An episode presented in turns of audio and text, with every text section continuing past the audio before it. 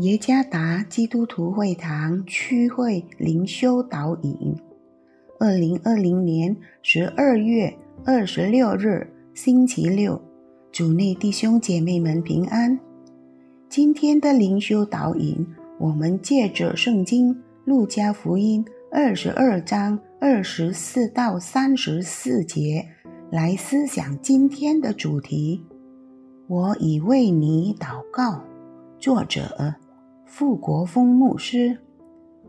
路加福音二十二章二十四到三十四节，门徒起了争论，他们中间哪一个可算为大？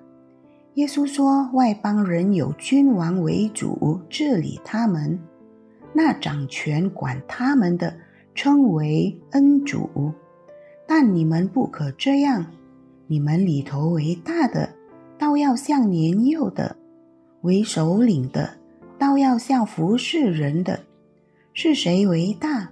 是坐席的呢？是服侍人的呢？不是坐席的大吗？然而我在你们中间，如同服侍人的。我在磨练之中，常和我同在的。就是你们，我将国赐给你们，正如我父赐给我一样，叫你们在我国里坐在我的席上吃喝，并且坐在宝座上审判以色列十二个支派。主又说：“西门，西门，撒旦想要得着你们，好筛你们。”像筛麦子一样，但我已经为你祈求，叫你不至于失了信心。你回头以后要兼顾你的弟兄。彼得说：“主啊，我就是同你下监，同你受死，也是甘心。”耶稣说：“彼得，我告诉你，今日鸡还没有叫。”你要三次说不认得我。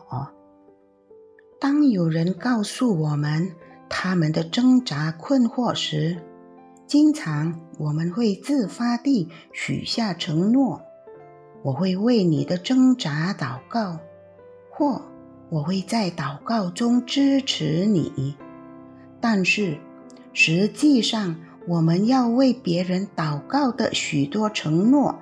都被遗忘了，也可能只是用来结束对话的口头语而已。不知觉中，我们的服饰伤害了那些确实需要我们带导的人。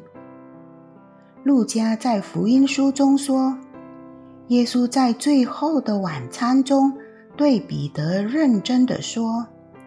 但我已经为你祈求，叫你不至于失了信心。你回头以后要兼顾你的弟兄。第三十二节，耶稣并没有对彼得许下要为他祷告的承诺，而是耶稣已经为彼得祷告。但我已经为你祈求。叫你不至于失了信心。耶稣在这段话中肯定的保证，是他一直不断的成为门徒的带导者。主耶稣的这些言行，使彼得最终从信心的低谷中站起来。